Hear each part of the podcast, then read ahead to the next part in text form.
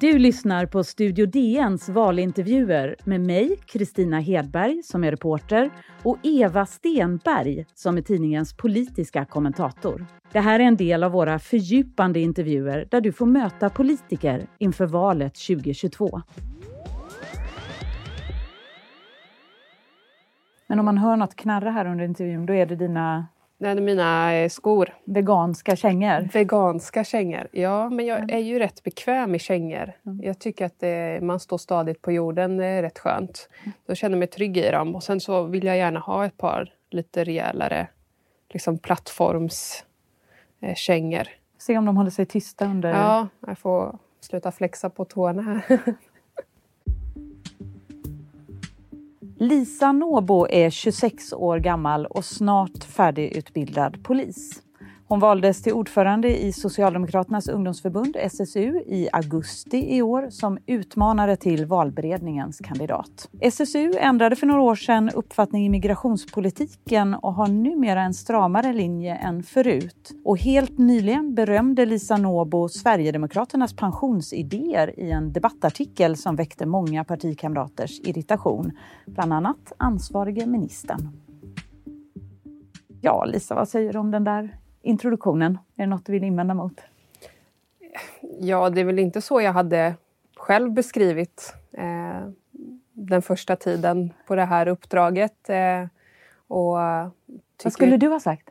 Nej, men jag tycker att vi har blivit eh, tydliga. Vi har tagit eh, ställning i frågor som ganska länge har sett som eh, högerfrågor. Eh, jag har velat vara tydlig i att vi också kan vara tuffa mot kriminaliteten och samtidigt satsa på förebyggande arbete. Att eh, vi ska ha en, en, solidarisk migrationspolitik och människor som flyr från förtryck och krig ska ha en, en, en varm och välkomnande plats i Sverige.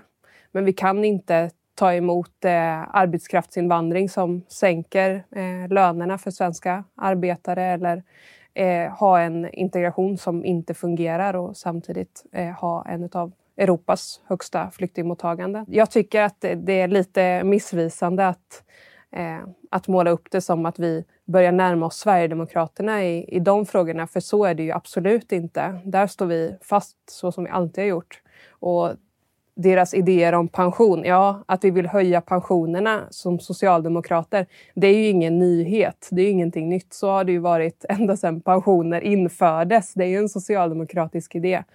Det vi sa var ju att vi tycker att vi ska lägga fram våra förslag och sen så får Sverigedemokraterna bekänna färg och rösta för det om de nu också säger att de vill höja pensionerna. Många har ju tolkat den där debattartikeln som någon slags testballong, så har det beskrivits. Mm. Vad ville du att den skulle vara?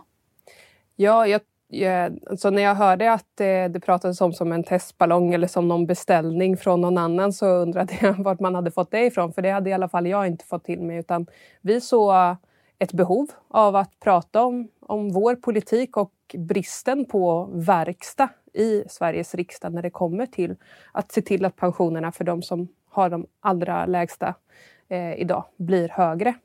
Eh, Sverigedemokraterna skrev en debattartikel som blev uppmärksammad, eller de gjorde ett utspel som blev uppmärksammat och då eh, följde vi den medialogik som finns och hakade på och sa att vi vill också höja pensionerna.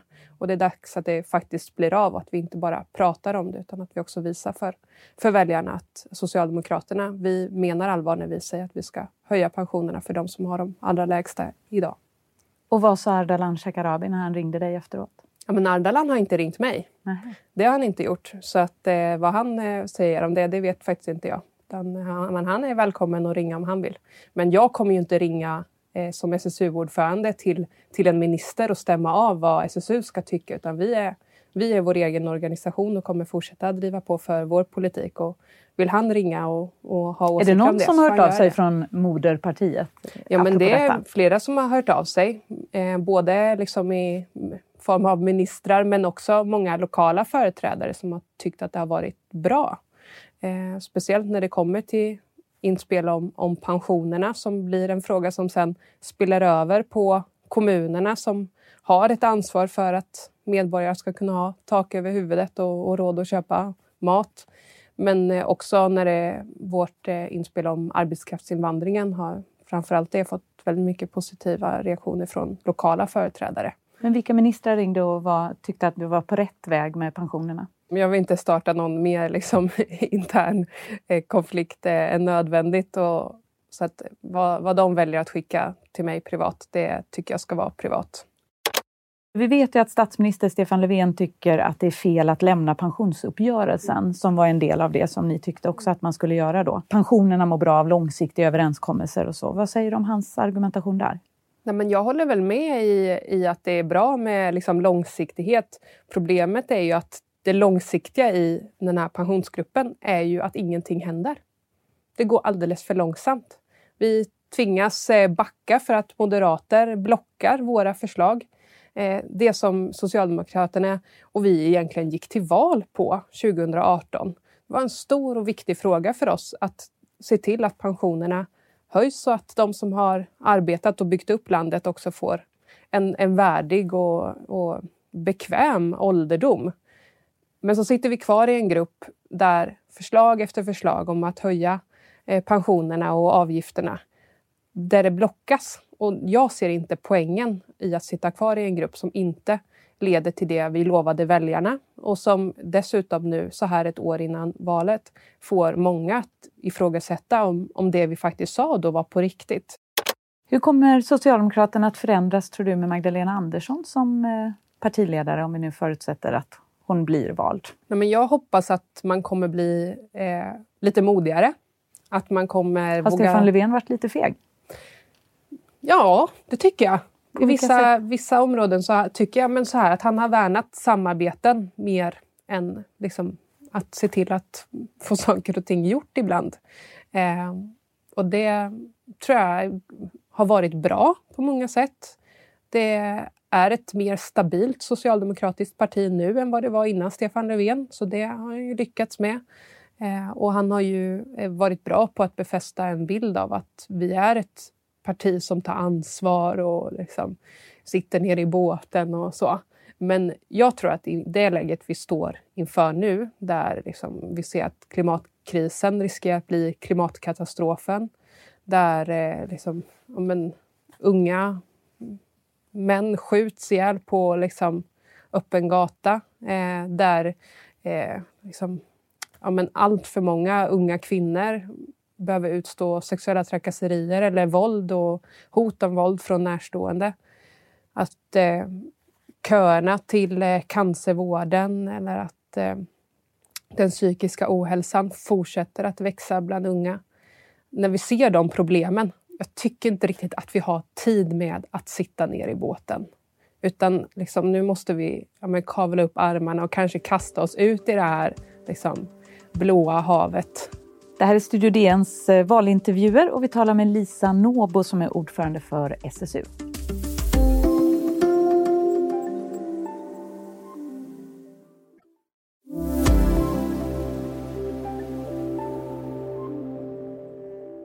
Då är vi tillbaka med valintervjun med Socialdemokratiska ungdomsförbundets Lisa Nåbo. Vad väljer du för beteckning på Sverigedemokraterna?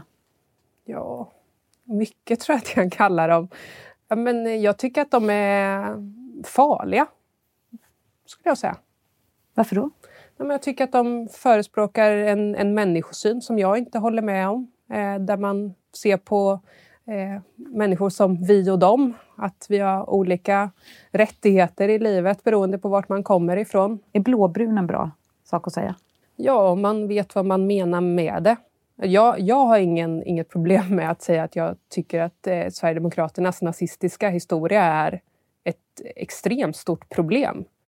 Det är ju en kongress eh, under uppseglande mm. inom ditt parti Socialdemokraterna 3-7 november. Vilka frågor kommer SSU att driva hårt där? Ja, men vi har två stycken eh, motioner. Eh, jämlikhetslöftet som innehåller eh, politik om hur vi skapar ett mer jämlikt Sverige. Det är dels som Eh, beskattning på kapital, facklig information i skolan och se till så att pensionerna ökar. Eh, och sen har vi den andra motionen som heter en Green New Deal som innehåller eh, fullt med förslag om hur vi räddar klimatet. Där både är satsningar på kollektivtrafik men också se till att vi slutar använda fossila bränslen så fort som möjligt. Så det kommer bli fokus på klimatet och på jämlikheten. Eh, och sen allt annat såklart. Eh, vi nöjer oss inte bara med två frågor, men det är de två vi kommer ta mest strid för eh, och där vi tycker att partiet behöver lite extra push. Speciellt när det kommer till klimatet. Vad saknas idag i den socialdemokratiska klimatpolitiken? Ja, men vi tycker att man är på rätt väg, men att det går lite långsamt. Så vad behöver del, gasas? Ja, men det är en del skrivningar som handlar om att vi bör eller eh, skapa förutsättningar för det. Vi tycker att det den tiden är förbi. Nu ska man göra någonting. Eh, det ska ställas krav på att man ställer om. Men sen handlar det om investeringar, om mm. pengar. Men säg de här ska-grejerna då. Mm. Vilka är det som måste ställa om? Ja, men till exempel så driver vi att Sverige ska bli fossilfritt. Där man i, eh, i programmen pratar mer om på sikt och liksom... Och då betyder eh, det förbjuda bensinbilar? Ja. Eh, ja. När då? Um, eh, SSU driver att vi ska förbjuda eh, nyförsäljning av bensindrivna fordon till 2025. Är det. Så nu har vi några år på oss. Um, och där partiet inte vill gå lika långt. Då. Um, så där är det ju eh, liksom en, en liten eh, skillnad i eh, ambitionsnivå. Men framförallt så handlar det ju om investeringar för oss. Vi tycker ju att man måste investera i framtiden. Det är inte läge att liksom spara i ladorna nu och liksom spara inför framtida liksom, kriser. För de kriserna kommer och då måste vi rusta samhället här och nu. Se till att klimatanpassa våra städer. Lägga om liksom, eh, men eh, investeringar idag som tillåts i fossila bränslen eh, med statliga liksom, pensionsfonder. Eh, men att, att verkligen idag se till att vi gör allt vi kan för att morgondagen ska bli bättre. Och då tror vi att det handlar om att satsa på framtiden och då måste man även tycka att, att det är viktigare med eh, liksom att, att våga satsa de pengar som krävs. Det tycker vi är viktigare än att vi ska ha liksom, Europas lägsta statsskuld. Eh, och där tror jag att vi kommer behöva stångas lite och kanske framförallt med Magda. Då. Men det ser jag fram emot. För det ska bekostas, har ni skrivit, av de stora företagen och den rika eliten. Vad Konkret, hur och vad betyder det? Vi tror inte att marknaden själv kommer att ställa om utan politiken måste gå före och se till att de stora företagen som idag släpper ut extremt mycket också ställer om och tar sitt ansvar. Och där har ju politiken extremt stor möjlighet att se till att det inte är ekonomiskt lönsamt att bränna fossila bränslen som olja och kol i Sverige. Straffa dem! Se till att det kostar, att det blir riktigt jävla dyrt att förstöra klimatet. Hur ser du då på hanteringen av Cementa till exempel? Mm. Ja, men där tycker vi att det ja, men är lite liksom, ja, men det finns mycket mer att önska. Eh, av Cementa eller av regeringen? Av regeringen. Att de borde ställa mer krav på att det ska bli mm, liksom rent. Jag kan inte förstå hur man liksom, tycker att eh, liksom, tillväxt till varje pris är Jobb viktigare. Jobb handlade det ju om väldigt ja. mycket. För många som har mm. tummat på sina miljöprinciper där ja. så var det ja. arbetstillfällena mm. som mm. trumfade. Mm. Men inte för dig? Men jag tycker inte att det finns någon motsättning till en grön omställning och en blomstrande arbetsmarknad. Jag tror ju även att att omställningen kommer skapa jobb, skapa gröna arbetstillfällen. För det kommer ju behövas eh, folk som bygger vindkraftverk också. Eller folk som eh, jobbar inom gröna näringar eller klimatanpassar våra bostäder och våra vägar. Eh, det skapar också jobb. Eh, så att det finns ingen motsättning mellan en låg arbetslöshet och låga klimatutsläpp. Utan de kan verkligen gå hand i hand. Du, nu tänker jag säga några lite snabba påståenden och hoppas mm. att du kan svara lite intuitivt och snabbt på dem också. Mm. Då ljög jag. Oj. Ja, men det var en, eh, på, eh, på jobbet så var det en som frågade eh, om jag visste vad han hette. sa jag nej. Jag visste, visste mycket väl vad han hette. Men jag ville se om han skulle berätta själv vad han hade gjort. Då tummade jag på mina principer. Ja, men jag köpte frukost idag ute Och det var jättedyrt. Och det har jag typ lovat mig själv att jag inte ska göra. Och jag ska bli bättre på att äta frukost hemma. Så att, ja, mer eh, skojigt än så blir det nog inte än att jag köpte frukost för 80 spänn som när jag hade mat hemma. Men jag var lite lat. Då blev jag impad av en politisk rival. Ja, men jag läste eh, Eh, Magnus Ek som är centerpartistisk riksdagsledamot nu. Han skrev ett inlägg på Facebook tror jag om varför han inte kandiderade till en till period i riksdagen. Eh, och jag tyckte att han framstod som väldigt ödmjuk och rimlig och eh, liksom grundad när han skrev det.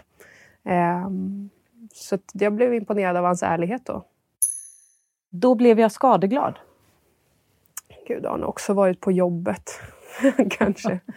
Ja, men, eh... Den skadeglada polisen. Ja men eh, gud, det låter jättehemskt. men ibland så möter man på människor som är riktigt otrevliga. Eh, och elaka och säger hemska grejer till en som polis. Liksom.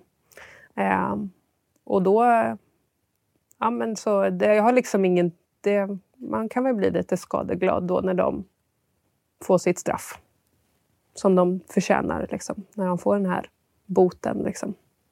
När de har skällt ut den för att man existerar. Så är det de som har gjort något fel. Då kan jag tycka att det är lite gött när de får ta emot inbetalningskortet. Då tvivlade jag. Men det var en period eh, i somras, skulle jag säga, när, eh, när liksom ens kandiderande var liksom som mest så. Eh, och det tog jättemycket tid och det var liksom... Ja, men jag kände mig liksom på gränsen till utbränd ett tag. Att jag får liksom ingen tid för mig själv att tänka varför jag gör det här. Utan det var bara att svara på frågor som andra ställde och jag hann inte riktigt svara på mina egna frågor till mig själv. Och då tvivlade jag väl ett tag på så här, varför gör jag det här? Jag tror att jag liksom kanske umgicks med någon eller träffade någon som inte höll på med politik, som levde ett vanligt liv och sådär. Ja, men skaffat radhus med någon och vänta första barnet. Typ. Och man kände varför, varför gör jag det här för? liksom, när man kan ha liksom, en fredagkväll ledigt med, med sin familj. Det var ju ett tag sedan man hade det. Liksom. Så då tvivlade jag nog. Men sen går det där över ganska snabbt när man gör någonting med SSU. Stort tack Lisa Nobbo. Tack. Du har hört Studio DNs valintervjuer med mig, Kristina Hedberg och Eva Stenberg. Producent var Madeleine Longo, exekutiv producent Sabina Marmulakai och ljudtekniker Patrik Miesenberger och Daniel Costantini. Produktionen görs för Podplay av Dagens Nyheter.